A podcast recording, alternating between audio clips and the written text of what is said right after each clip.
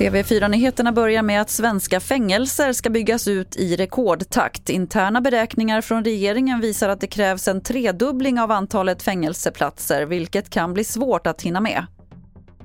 Med dagens plan ska kriminalvården byggas ut till cirka 9 000 platser år 2030. Sen kom Kriminalvårdens analys av Tidöavtalet där behovet istället uppskattades till uppåt 13 000 platser.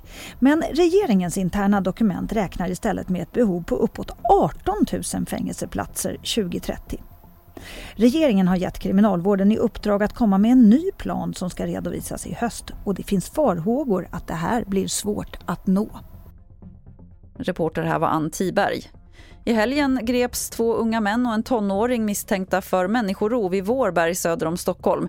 Enligt uppgifter till Aftonbladet misstänks de ha kidnappat en man i 20-årsåldern för att han vägrat utföra ett beordrat mord. Offret ska även ha misshandlats. Polisen vill inte lämna några detaljer om vad det är som har hänt. Till sist kan vi berätta att en hel flock på 55 grindvalar har dött efter att de strandat i Skottland.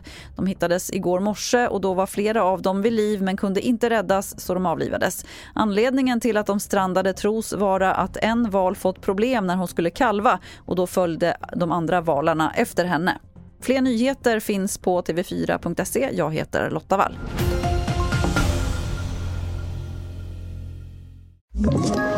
Ett poddtips från Podplay.